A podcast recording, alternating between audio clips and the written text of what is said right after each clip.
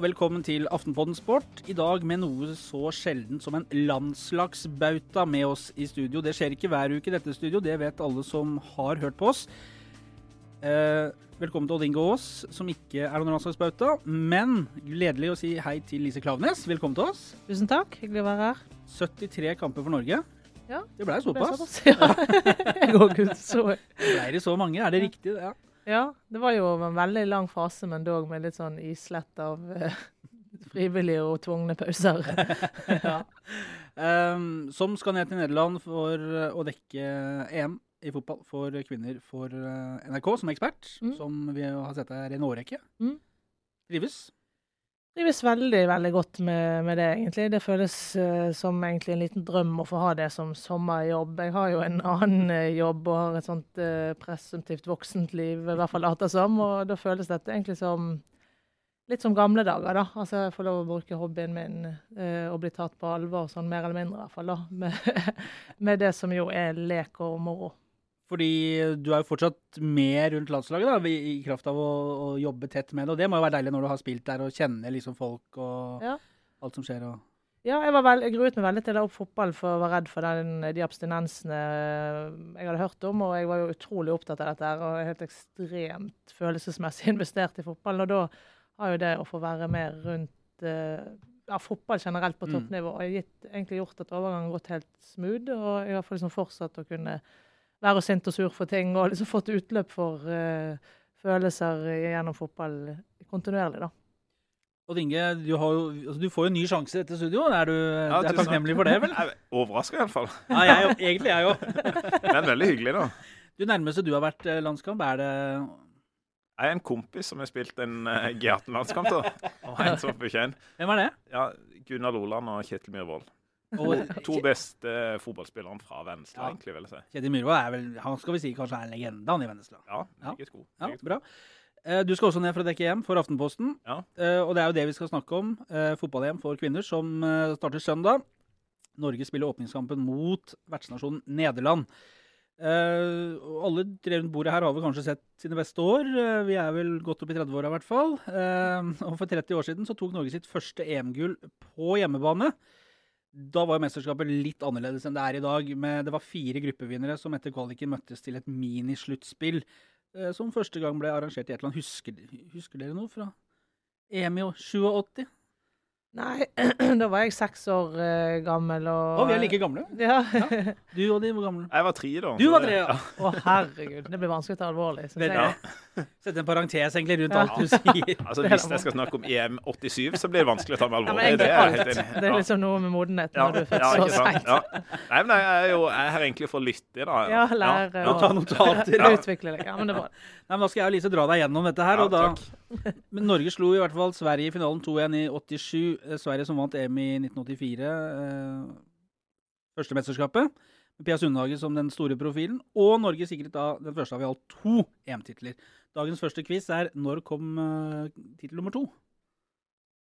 EM-tittel. EM-tittel, ja. Det var vel 1993?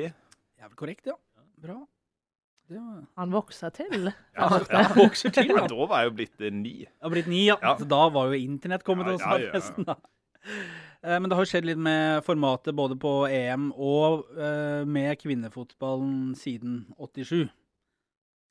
Ja, absolutt. Siden du ser på meg med store forventninger. Ja, det, var, det lå et spørsmål Ja, det lå et uh, spørsmål i hvert fall i din holdning. Ja. uh, ja, jeg kan bekrefte at det skjedde en del med fotball siden den gang. Og det er jo første gang i år eh, det er så mange lag med òg. Og det har jo internasjonalt vært en rivende utvikling. Dette er jo sånne klisjeer vi hører, men det, det, på kvinnesiden er det jo veldig realitet i det. For hvert år så dukker liksom opp en ny stormakt som eh, vi før kunne liksom valse over, som eh, nå plutselig er bedre enn oss, eller vel så gode. Så på, på kvinnesiden har det vært sånn egentlig kontinuerlig fra år til år, helt siden i hvert fall jeg var med. Eh, internasjonalt så har det vært eh, Nord-Korea og Brasil har kommet. Og Europa Frankrike var jo før et eh, tulleland eh, på, på damesiden, og nå en stormakt og en av de store favorittene. Så det er, jo, det er jo på den ene siden veldig spennende å følge, på den andre siden litt eh, urovekkende, for man ønsker jo at Norge skal henge med, da.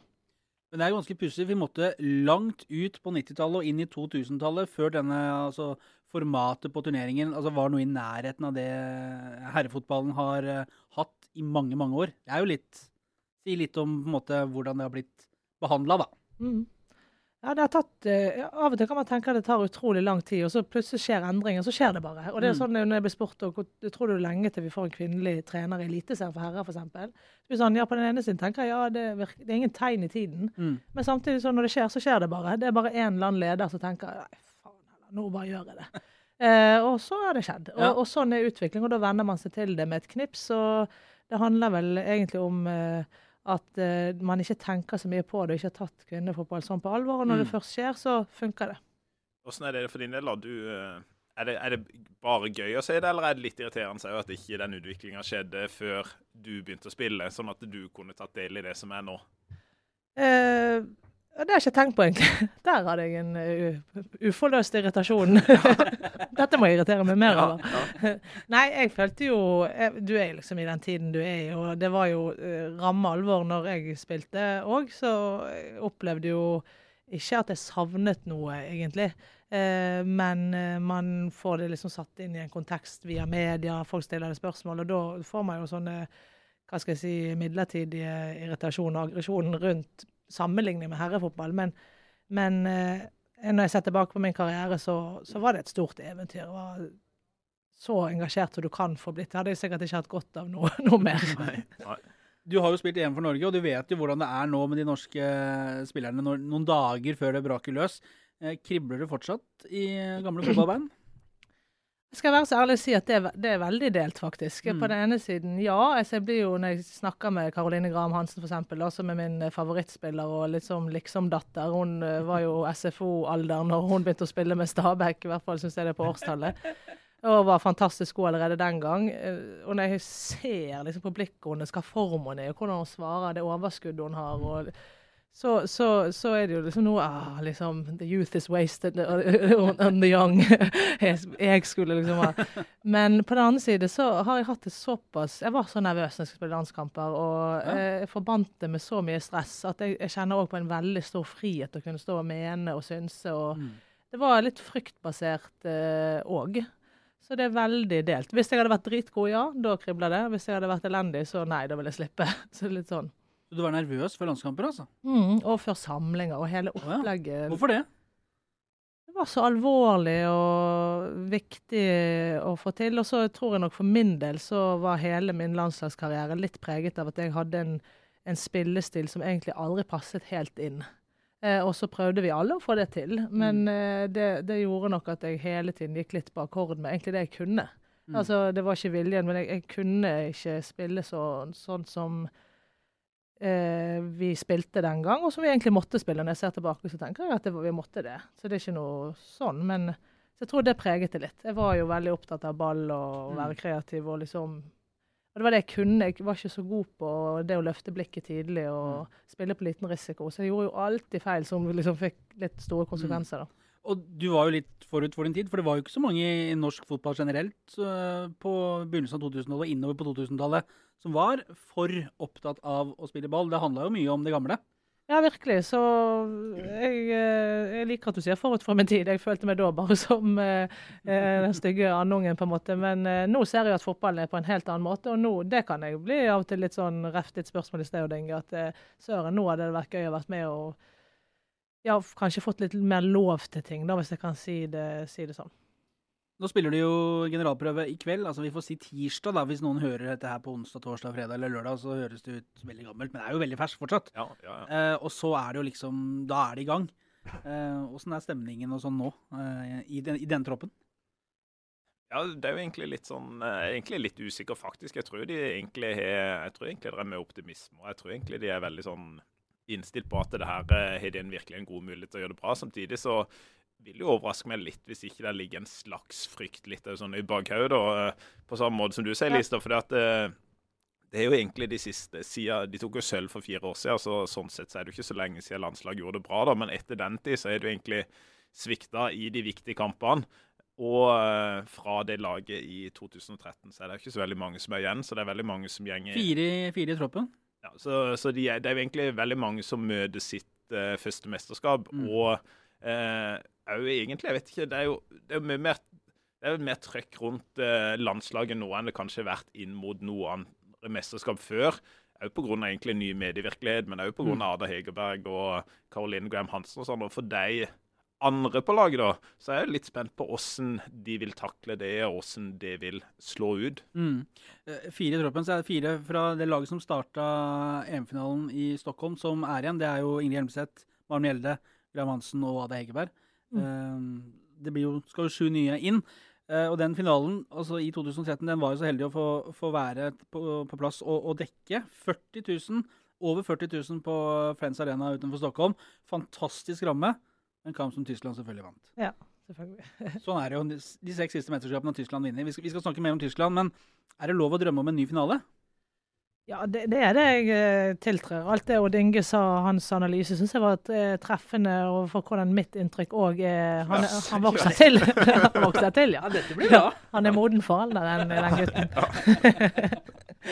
Eh, eh, nei, jeg har egentlig samme inntrykk, at det er en, en, veldig påtagelig optimisme, og den tror jeg er ærlig. Ofte i media sier man jo ikke det man sitter og sier på rommet, sant? og det skulle bare mangle, egentlig. Det skal vi være glad for, Oddvar. Ja, det skal vi være glad for. Men, eh, men, jeg snakker jo med folk litt grann bak fasadene. Ja, og der er de urovekkende optimistiske der òg. Jeg, jeg, er fra den gamle Grinabitterskolen, så jeg kjenner at jeg blir sånn Hei, jeg, jeg husker det er drittungt, og det er masse løping, og jeg blir sånn hvor er, de, hvor er de som minner på om det? Og så får jeg håpe at det er den ene siden av meg tenker yes, de, de, er optimistiske, det er bra. De vet ikke hvor vondt det kan være å spille mot Tyskland hvis de får til sitt spill. Mm. Og det er bra. Kanskje det, det, gjør at de går enda mer respektløst til verks. Mm. Jeg tror vi var litt for respektfulle i møte med de stornasjonene der.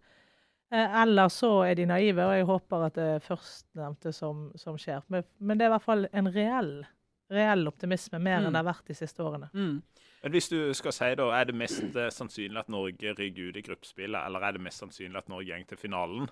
Så vil jeg jo tro kanskje mange som, som bare Hvis du sant, leser bare saker om Ada Hegerberg, som tenker ja, selvfølgelig er det mer realistisk at Norge går til finalen. Men eh, jeg vet ikke om jeg, jeg syns det.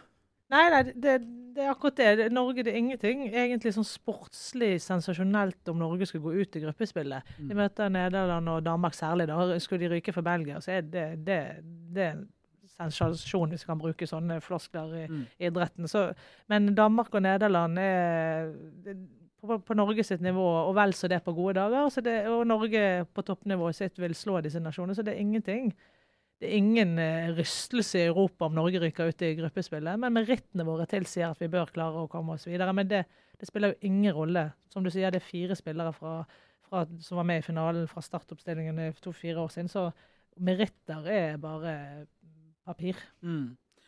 Men jeg forstår at dere holder eh, Nederland og Danmark som eh, to knepne favoritter i denne gruppa, og så er Norge Sammen med Norge, vil jeg si. Nei, Kanskje Norge. Norge. egentlig er vil, Ja, jeg ser på Norge som favoritt. at Norge går videre, og det tror jeg absolutt. Ja. ja. Jeg ser på Norge som ja. favoritt, ja. altså av meritter. Vi må tåle det. Vi har en mesterskapstradisjon der, pluss at uh, vi har den duoen på topp da, som mm. hele Europa snakker om, med Caroline Graham Hansen og Ada Hegerberg. Og så har vi jo et, et godt landslag, altså for mm. all del. Ja. Danmark har egentlig aldri lykkes. Nederland er upcoming, så Norge, Norge er favoritter. Dan, altså danskene må vi jo sette på plass. Altså, vi reiser dit på ferie, og så kjøper vi litt danske pølser i norske kjøleskap. Men det får være bra, vel? Ja, de får være fornøyd med Jeg er for så vidt eh, enig i prinsippet ditt der, men realiteten er allikevel at noen av de verste kampene jeg har spilt, har vært mot Danmark. Vi har mm. liksom, Nettopp fordi vi har gått utpå og tenkt at uh, nå ja vel vil de spille romantisk og fin fotball, men de, de, de, spiller naivt. Vi bare bryter vi bryter hver gang de slår inn i midten. Og så har vi ikke klart det. Mm. Så har de vært utrolig gode på å vri fra side til side til du blir helt gal i hodet. Mm. Og så har det blitt veldig vondt. Så har vi kanskje vunnet eller klart å karre oss til et uavgjort, men følelsen har ofte vært at Danmark uh, Gi det et par år til, så, så er de bedre. For de har så kontroll. Så vi får se hvordan det blir nå. Så var vel det bare en straffekonk i semifinalen i forrige EM da, som skilte om det var Norge eller Danmark som spilte finale. Ja. Og de, ja, og de har jo òg en spiller i Pernille Harder som vel de snakker sikkert om på samme måte som egentlig vi snakker om Ada Hegerberg og Caroline Graham Hansen, som mm. jo eh, Som er vel egentlig på på samme nivå som deg, nesten. så det at... Uh, ja, altså Pernille Harder spiller jo i mellomrom i Wolfsburg, og Caroline Graham Hansen er jo da henvist til kanten, og hun ønsker jo å spille i mellomrommet. Så det, det trenger ikke bety at hun blir rangert over Karoline, men det kan òg bety det. Eh, det er i hvert fall i den posisjonen Karoline skal prestere for Norge. Der spiller Pernille Harder i hverdagen sin. Så hun eh, er nok rangert på nivå med Karoline og vel, så det, jeg mener Karoline er bedre. Men jeg er på ingen måte objektiv heller når det gjelder Du er ekspert, det er du jo. Ja, Så da er Karoline Graham Hansen bedre. Sånn er det. Altså, Du nevner jo straffekonken i, i semifinalen. Det var vel i Norrköping, hvis ikke jeg husker helt feil. og Norge tok tidlig ledelsen med Marit Fjanne Christensen. Og så utligna Danmark tre minutter før slutt, og så ble det psykodramatisk straffespark. Jeg husker vi, de som jobba i Presse-Norge allerede da, så begynte jo deadline-tiden å komme tidligere og tidligere. Hadde det vært én straffe til, så tror jeg det hadde blitt mye blanke sider rundt i, i norske aviser. Men Norge vant. Norge vant. Ja. Åssen- Nei, det var, jeg var jo der uh, Ja. for NRK, og det var eh, egentlig en fantastisk opplevelse. Det begynte, mesterskapet begynte ganske labert. Vi hadde kjempelave forventninger, og interessen hjemme var litt sånn Folk hadde knapt hørt at det var et mesterskap, Mm. og så gjør Norge det bra. Og Mm. sånn som det har skjedd før, så stiger seertallene, og gjestene i studio blir mer og mer celebre og melder seg tilfeldigvis til tjeneste. Helt uinteressert, men så kommer både statsminister og, og hoff. Eh, og så ble det veldig stort eh, til slutt, og egentlig en fantastisk fin opplevelse for, for alle som følger kvinnefotball. Og jeg syns personlig det var nesten litt rørende jeg, å, å, å se følge laget. Det var første gang jeg fulgte laget live som ikke utøver uten nerver, da. Mm. Så jeg, jeg, må, jeg må rett og slett komme clean med at jeg i finalen, da rant tårene når jentene gikk inn. og Mm. Når man spiller sjøl, så er man jo ikke der. sant? Du tenker jo på den jævlig hamstringen som som er så stiv, eller at du spiste feil kampmat, eller et eller annet. Ja. Så deilig å bare liksom se det i perspektiv, da. Men, men, men så var det noe med den rammen også på Friends Arena. Fantastisk arena. Så Absolutt. mye folk, kjempestemning. Det var en sånn, en sånn fortjent innpakning for et jævlig godt produkt. Det, var, det ble jo, og det viser jo òg eh, noe som er viktig å huske på, er jo at eh, kvinnefotballen er jo Fotball er jo prisgitt god uh, Hva skal jeg si eh, God produsering. Pro, hva heter det? Hva heter det på Mm. Produksjon? Ja, god, hva heter det på norsk, faktisk? Produsering eller produksjon, det, er, det kan du Ja, velge. ja, fordi eh, sånn, sånn er det jo. sant? Og med en gang det er, er det liv rundt på tribunen, og det er god produksjon, mange kamera, folk tar det på alvor, så, så er det et veldig godt TV- TV-produkt. Men med en gang det er motsatt, og det er litt sånn stemoderlig behandlet, så, så er jo fotball en sånn idrett at da går det sakte, og det er langt fra osv. Så, videre. så du Mm. så i det mesterskapet der hvor bra det, det kan bli, på en måte. da. Mm.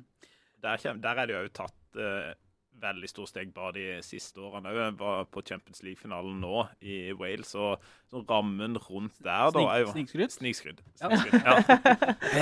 Jeg var, Var du der òg, for jeg òg var ja, der. du var ja, der. ja, det. Ja, jeg, så, jeg så ikke det flikken, men du var der, du òg? Jeg jobba, ja. Ja, du jobba, ja, ja. ja. Ja, vi var jo der bare Ja. på ferie. Er precis, Ja, ja. ja. Men åssen du så at eh, Det må jo være bra for uh, damefotballen òg åssen rammen i byen var der. da. Da var det jo, ble jo herrefinalen spilt et par dager etterpå.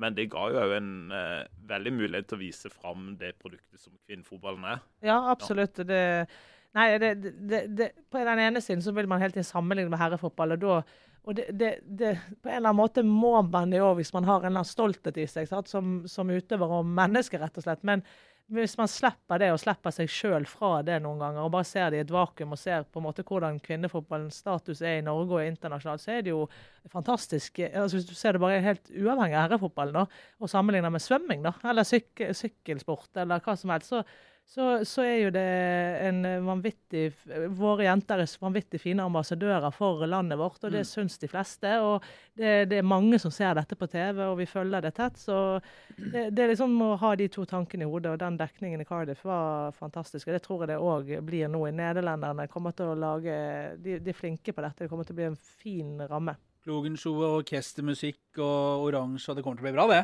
Ja, de er jo helt grenseløse på utstyr. Ja, ja. Eh, Men et relativt nytt norsk lag, da, eh, også i kraft av å ha ny trener, Martin Sjøgren, som fikk jobben som eh, Roger Finjords erstatter.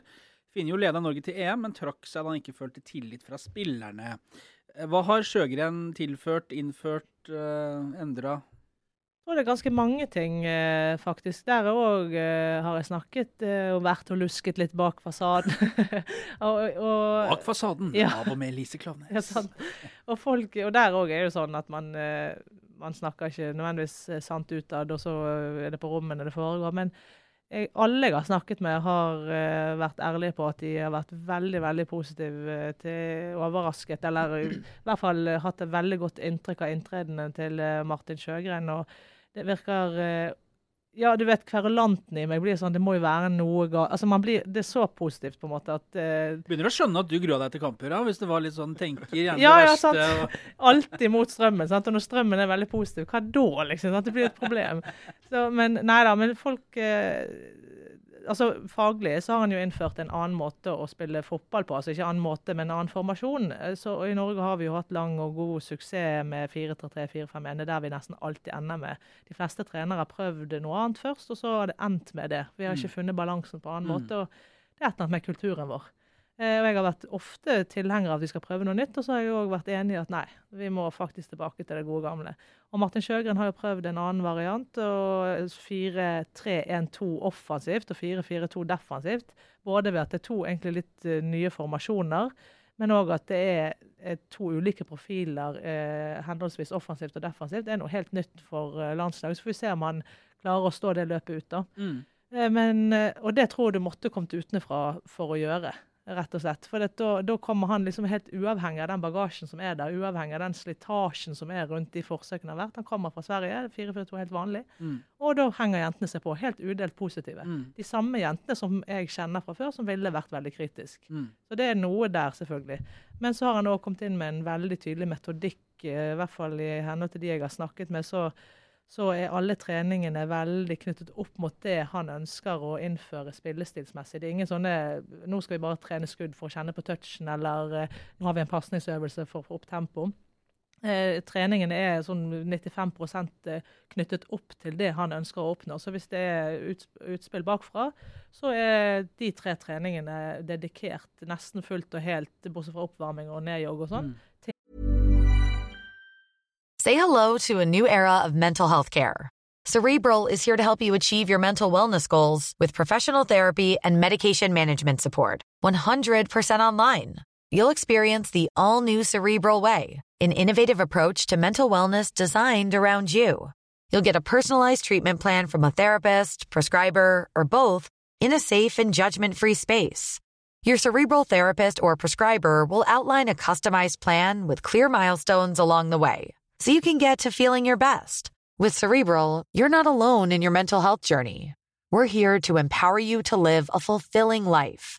So take that first step towards a brighter future and sign up today at cerebral.com slash podcast and use code ACasts to get 15% off your first month. Offer only valid on monthly plans. Other exclusions may apply. Offer ends July 31st, 2024. See site for details. Say hello to a new era of mental health care. Cerebral is here to help you achieve your mental wellness goals with professional therapy and medication management support. 100% online. You'll experience the all new Cerebral Way, an innovative approach to mental wellness designed around you.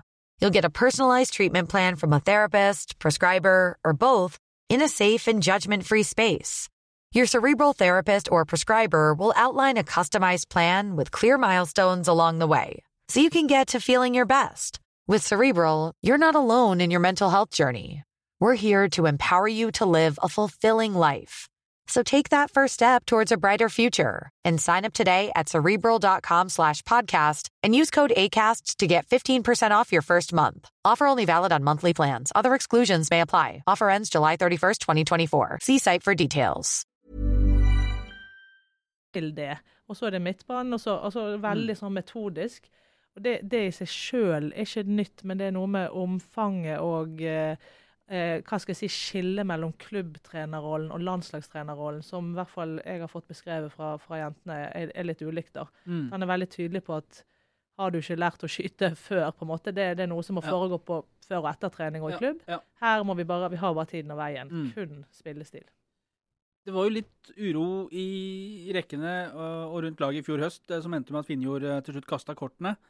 Øh, litt sånn i, i Plukk opp det Lise sier, men det må, det må, jo være noe. Men det er vel ro i rekkene nå? Det er jo det, og så blir det jo spennende å se da, hvis det blir eh, to poeng og rett hjem i Nederland.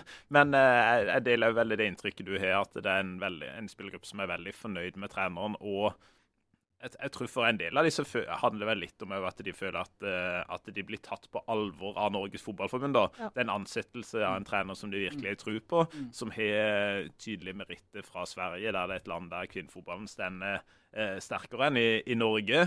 Uh, har vunnet tre seriegull der. Og så er det beskriver det som veldig tydelig. da. Mm. Veldig tydelig på hva han vil. Han er veldig tydelig på hvor han vil ha laget. Han er veldig tydelig på hvor han vil ha altså hver enkelt rolle i laget. Mm. Så det at uh, så, så, når du gjenger til trening og når du gjenger til samling, så, så vet du at uh, nå får du det, Her er det en veldig tydelig plan på hvor vi skal hen. Mm. Uh, og at det blir beskrevet som at alt henger sammen rundt det. At alt bygger opp rundt det. da, mm. At ikke det er noen tilfeldigheter osv. Så, videre. så det, det, det lover iallfall bra. da, og Så blir det jo spennende å se. da, Han har jo holdt på i på, Det er jo egentlig under et halvt år de holder på med å med å jobbe sammen med laget. Og det er en ganske ambisiøs, egentlig, både måte å spille på og en, ja, en formasjon som er ny, som er litt uvanlig, som egentlig ikke blir brukt så mange andre steder. Så blir det spennende å se om spillerne har klart å, å absorbere alt og mm. faktisk uh, få det ut i kamp. da. Mm. Ja, så er jo fotball et uh, spill og et motspill, som det heter. Det, men det er, jo, det er, jo, det som er at jeg tror det er veldig sjelden formasjoner er avansert i den forstand at du ikke forstår de på tavle. sant? Altså, Fotball er jo enkle greier. Men det er jo det Hvordan spiller dette seg ut hvis det blir mange balltap, f.eks.? Mm. Eller mot Tyskland, der du, har, der du stort sett ligger defensivt, kanskje. Eh, og så vinner du ball kjapt. Hvordan, skal du da, hvordan blir det da? Hvordan blir det for den spilleren som skal forflytte seg, og egentlig forflytte seg forbi to ledd, da, eller forbi ett ledd, som blir mest sannsynlig Kristine Minde, som, som er kant defensivt og spiss offensivt. Eh, så, så, selv Jeg er helt enig i at det er jo egentlig ganske dristig, og jeg, jeg syns det er dødskult. Mm. Men, men jeg, jeg, er nok jeg er nok delt ved at jeg har, den, jeg har en sånn kroppslig hukommelse på å spille på landslaget sjøl, og tenker at eh, ja, ja, jeg hadde ikke likt å Eller jeg hadde ikke klart eh, og spilt kant og spiss mot Tyskland. Eller det, jeg blir helt gal av bare uh, egentlig konseptet. Eh, fordi du har mer enn nok med å på en måte komme opp i back. Eh, jeg har vært kant ofte, litt ufrivillig egentlig. Og det er en ganske tøff rolle på et norsk landslag, for vi har ikke hatt så mye possession. Og det er mye mye løping. Egentlig litt sånn usynlig. Og hvis du i mm. tillegg skal være på bakrom på de flikkene, så, så, men Kristine Minde er en helt annen støpning enn det jeg er, og egentlig de andre i troppen. Hun passer veldig godt til den rollen. Kanskje litt Emilie Hove òg. Så, jeg, så jeg, jeg, der bare er jeg ydmyk og venter og ser. Og så må man jo forbeholde seg retten til å liksom være kritisk hvis det ikke funker, for det, det er dristig. Og det mm. vet han jo sjøl òg. Mm. Hvis det funker, så skal han ha honnør òg. Og så ja, eller, den, pusten, ja, den rollen har hun spilt i under han i Linköping òg, mm. så han og hun vet jo at det kommer til å funke Eller det, det har funka før, og det mm. kan funke nå òg. Og så sier vi både han og spilleren òg at eh, selv om du hver rolle har en ganske sånn tydelig beskrivelse på hva du skal gjøre, da, så handler det om at når du kommer i en kampsituasjon, så er det ikke alltid du må gjøre det treneren sa du skulle gjøre. For det at hvis motspilleren eh, leser det hver gang, så må du så må du tenke sjøl, og du må mm. frigjøre deg fra alt som egentlig var planen. og Av og til så er det jo det som avgjør kampen, er jo ofte at én spiller er kreativ og gjør noe helt uventa noe. Og da er det og det er jo en eh, sånn utfordring kanskje når du jobber så veldig mye med akkurat min konkrete rolle. Når, jeg, når, det skjer, så skal jeg gjøre det, men det er, Nei, men det er nettopp det, det, er nettopp det som er utfordringen med en sånn skeiv rolle, da, der du har der du ikke har kant på ene siden, som skal liksom bekle to roller. Det, det, I klubbfotball har jeg vært borti det mange ganger sjøl. Ofte vært den som skal gjøre det. Eh, fordi jeg var jo veldig ivrig på å løpe. Og da står man ofte i fare for å styre på med det. Og det, det er nettopp det som er utfordringen, er hvis du blir mer opptatt av rollen, for du har hele tiden så lang vei fram, eller det er så mye du skal tenke på idet vi vinner, så skal jeg være der, og osv. At du mister intuiteten din, eh, intuisjonen din, eh, og eh, hva skal jeg si, det impulsive. Det er det som er, som er, utfordringen. Det er ikke det at man ikke klarer å løpe de metrene. Det skulle man på en måte bare mangle at en spiller på det nivået gjør. Men det er det som er utfordringen. Vil vi få de ønskede relasjonene som du Det er jo en grunn til at du vil ha to på topp. Klarer, vil vi se det eh, internasjonalt, ikke bare i damallsvenskan, men òg internasjonalt? Eh, og så er ikke det verre enn at han antageligvis har en plan B. Jeg, jeg håper virkelig at det funker, for jeg syns det er veldig kult å se noe nytt. Mm. Og så er jeg helt enig i at du må gjøre noe for å få Caroline Graham Hansen i sin drømmeposisjon. Vi har aldri hatt den rollen før. Vi har aldri hatt en mellomrom. Vi har ikke tradisjon for det i Norge i det hele tatt. Og hvis, hvis den skal funke, så må hun være fri. Ikke fri til å gjøre hva hun vil, men fri til å hvile litt. Grann, for er, vi har så mye balltap. Det vil du ha internasjonalt. Og da må en eller annen ha overskudd når du vinner ball, og det må være den som kan drive med ball, og det er Karo. Og da, da må noen andre gjøre jobben. Eh, så jeg er helt enig at man måtte finne en eller annen måte å gjøre hun god på. Kanskje er dette løsningen. og da er det, er det første som skal bejuble det. Jeg bare tenker litt sånn jeg bare husker, jeg har en sånn taktil hukommelse rundt at det blir langt å løpe for Kristine. du, du, nevner Caroline Graham Hansen, som sammen med Ada Hegerberg er eh, skal vi kalle det superstjerner i eh, norsk kvinnefotball om dagen. Er det, altså Vi forventer jo selvfølgelig mye av det. De som skal følge dette her hjemme fra sofaen og, og kanskje har hørt selvfølgelig mest om de to. Kan det bli for mye? For, for høye forventninger til de to? Ja, det kan det jo selvfølgelig bli. Vi så jo nå på slutten av sesongen at Ada var ganske sliten. Mm. Eh, og, og da, da, tror ikke egentlig det er forventningene i seg sjøl, men det er jo det vanvittige medietrykket. Eh, fordi det blir så mange et, det blir så mange ganger i løpet av en dag du må si ja eller nei til ting. Og det, blir, det vannes ut mm. uh, egentlig tankene dine og energien din. Sånn. Så, men nå har hun vel etter hvert fått litt trening i det og får folk rundt til å beskytte seg litt. Og da bør ikke det være et problem. Det at du har store forventninger til noen, Eh, og hvis man klarer å skjerme fra at du får liksom ro og sånn, det tror jeg egentlig kan bare være med å booste selvtillit. Selvfølgelig når du er i form, men det er uansett en forutsetning for at det skal funke. Mm. Hvis man er i form, så kan det være det som løfter deg litt opp til den kongefølelsen. At mm. ingen kan stoppe meg, alle vet at jeg er god. Mm. Så det at man liksom kjenner at noen setter et frimerke på deg, eller at det er mye fokus, det tror jeg for uh, Særlig for Karo vil bare slå positivt ut. For en spiss, det er jo litt mer Der, der er det jo egentlig litt litt, eh, litt deiligere hvis folk gir det litt rom, mm. og det vil ikke hun få. Men eh, Så for Ada er ikke nødvendigvis sånn, men i en fri rolle så vil det at noen er obs på deg, bare være positivt, for da løper de hele tiden etter deg. Så selvfølgelig, det, det er både òg, men jeg, at, altså de, de, har de forventningene fordi de er helt rå. Mm. Eh, og da tror jeg de vil se på det som en bekreftelse på at folk har fått det med seg. Ingen i det fotball-EM-et her som ikke eh, kjenner til Ada Heggeberg og Karl Ingram Hansen når de møter Norge. Nei, det er jo ikke det. Og jeg tror jeg, jeg opplever egentlig begge to deg som sånne typer som egentlig som egentlig er sånn, eh, sikkert har jobba lenge og lengta litt etter det nettopp å, ha litt de der forventningene på seg, og faktisk tenke at det er bare positivt. Det, jeg vil at folk skal tro at jeg er en av de beste i verden. Mm, mm. Uh, og det, jeg tror egentlig ikke det er noe sånt uh, Jeg tror egentlig ikke det kommer til å slå negativt ut. Og så er det jo litt med Ada Hegerberg. da, Hun er jo uh, Uh, hun har jo hatt en veldig god sesong, selv om hun har ikke skåret uh, på langt nær. Hun skåret jo nesten to mål i snitt sesongen før. Så, men uh, hun var jo hun var sliten, og hun Jeg tror det er noe med det der å finne det overskuddet og alt mulig sånt. Og der mm. tror jeg egentlig Caroline Graham Hansen kommer til å bli jeg tror kommer til å bli Norges beste spiller i EM. Hun føler egentlig hun er bare på mer sånn en formkurve som peker rett oppover. Ja, ja, hun er jo helt sinnssyk. Altså, hun er, er, er hun er helt uh, outstanding. Hun har vært masse skadet. Sant? og Det har jo kanskje det fysisk ikke vært bra, selvfølgelig, men kanskje det har vært bra i den forstand at uh, hun har gått litt under radaren for folk flest. Og fått liksom akkurat de årene fra 16 til ja, nå 21-22 der hun har jo på en måte ikke blitt en sånn superstjerne. For mm. det kan jo være litt belastende de årene der du skal definere det. Du aner jo ikke hvem du er engang. sant? Mm.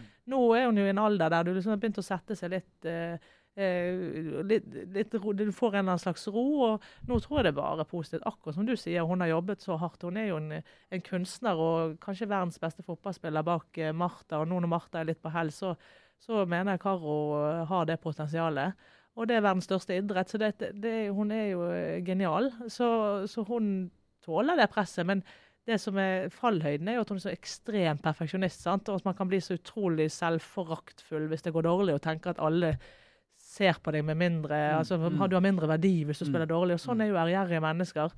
Men det, jeg tror det er bedre at hun har forventningspress på seg enn ikke. Altså Den anonymiteten tror jeg bare ville vært veldig vond. når du er når du, Hun kjenner jo at hun er på det nivået hun er på. Og da tror jeg det bare passer at folk forventer mye. Det er jo i hvert fall er med seg en veldig mye mental ballast fra de skadeperiodene, og sånn der, der du egentlig har vært på nippet til å tro at karrieren er over, og du har kjent liksom på den der desperasjonen over å komme tilbake og spille fotball. da. Og, og, da vil jo i hvert fall EM være en sånn Det er jo en ekstremt stor scene for henne da, til å spille ut registeret som hun, hun, vet at hun har. da. Så, så, det må jo enten så kan jo det sikkert bare forløse masse energi, eller så mm. kan det være litt sånn at du at eh, jeg vet ikke, Du kan kanskje bli stressa og tenke at OK, nå, nå har jeg EM, nei, VM sist gikk eh, i dass, da var jeg skada, eh, og nå, liksom, nå, nå, må jeg liksom få vist alt. Så det kan, men jeg vil jo håpe og tro at det slår ut som noe mer forløsende, og mm. at det bare kan slippe seg helt løs og tenke at nå skal jeg vise. Tre spillere Klavenes ber oss se opp for, i tillegg til disse to superstjernene. Nei, det er jo Norske, altså. Å ja, norske. Å ja, norske. Ja, å, ja, norske. Tre norske bak disse to superstjernene. Ja.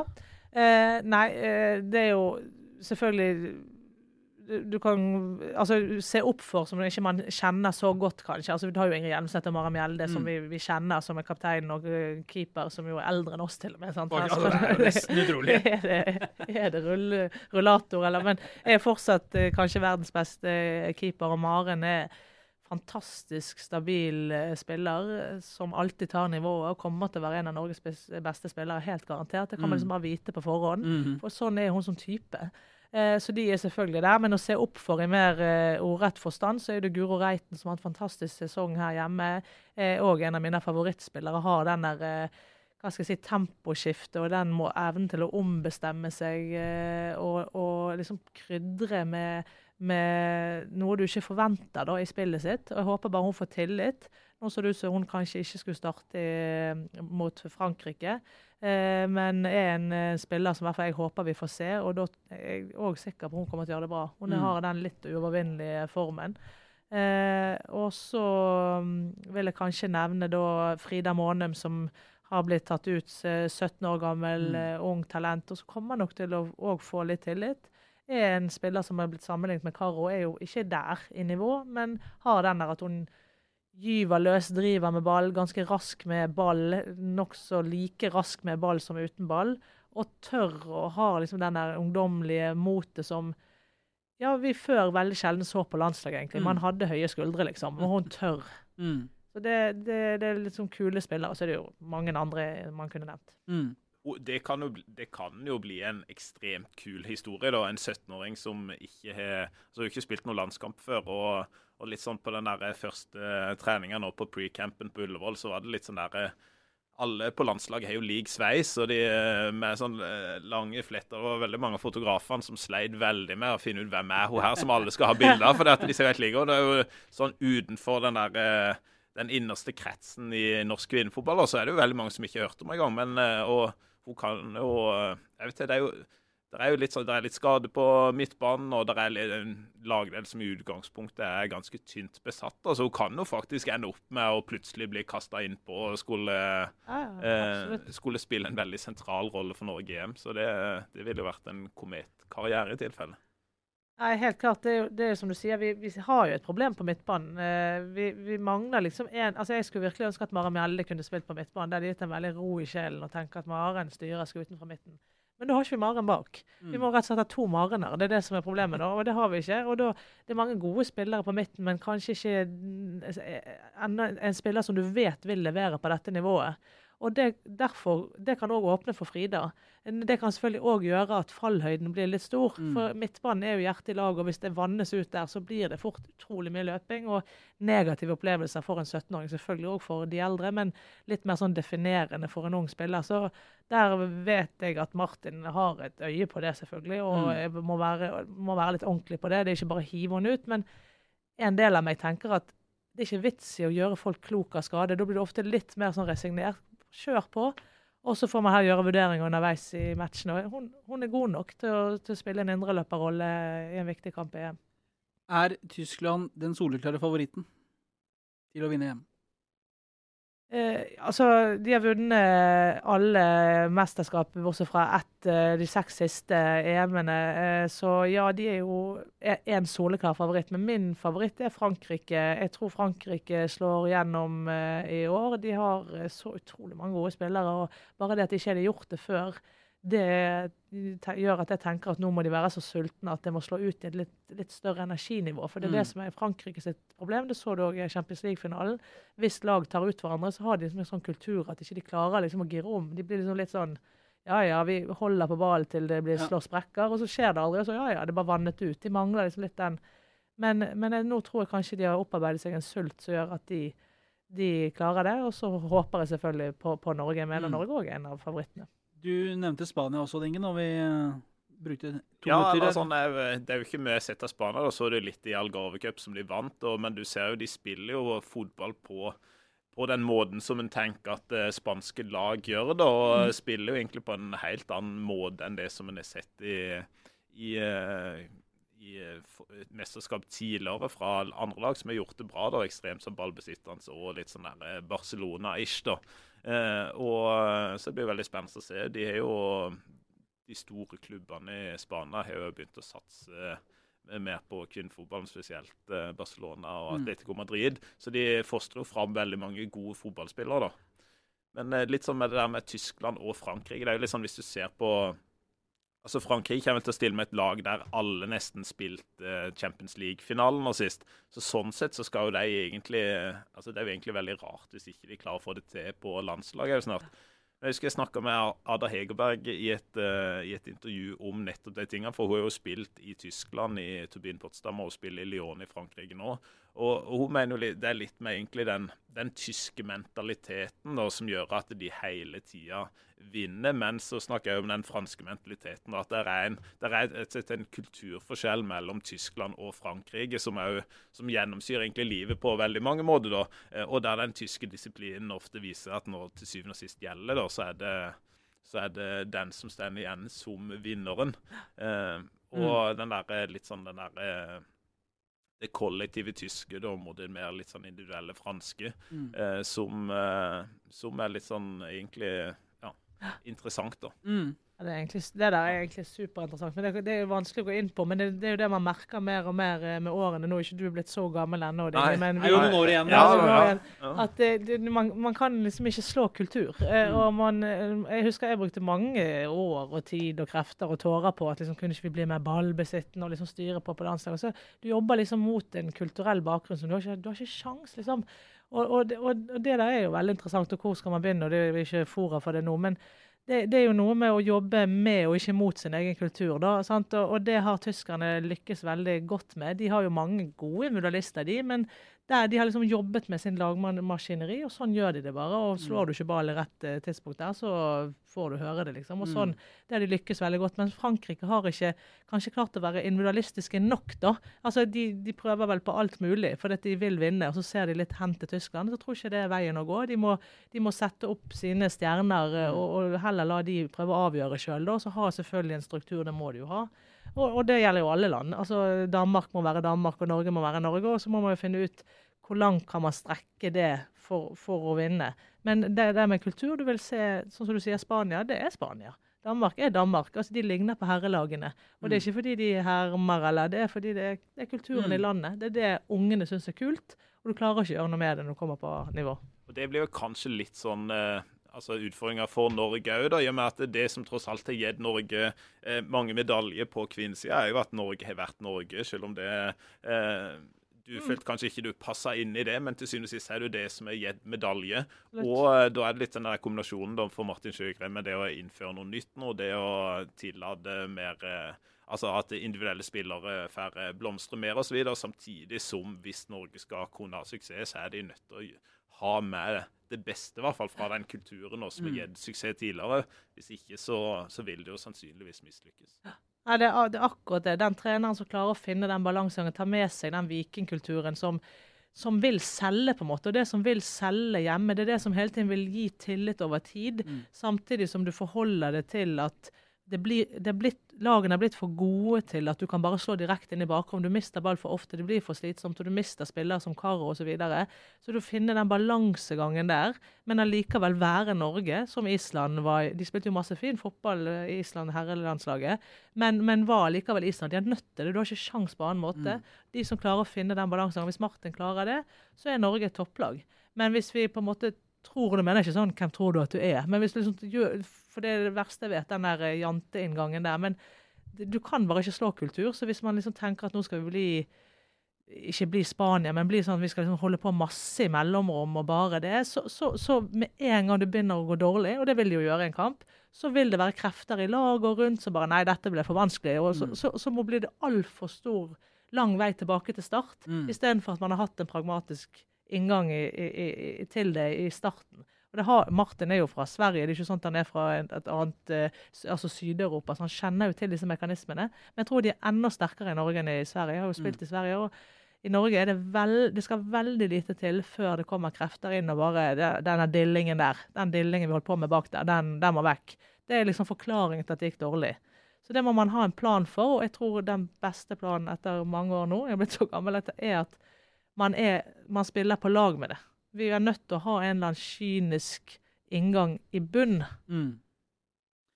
Er det lov over at kvinnelandslaget da lykkes bedre med det enn f.eks.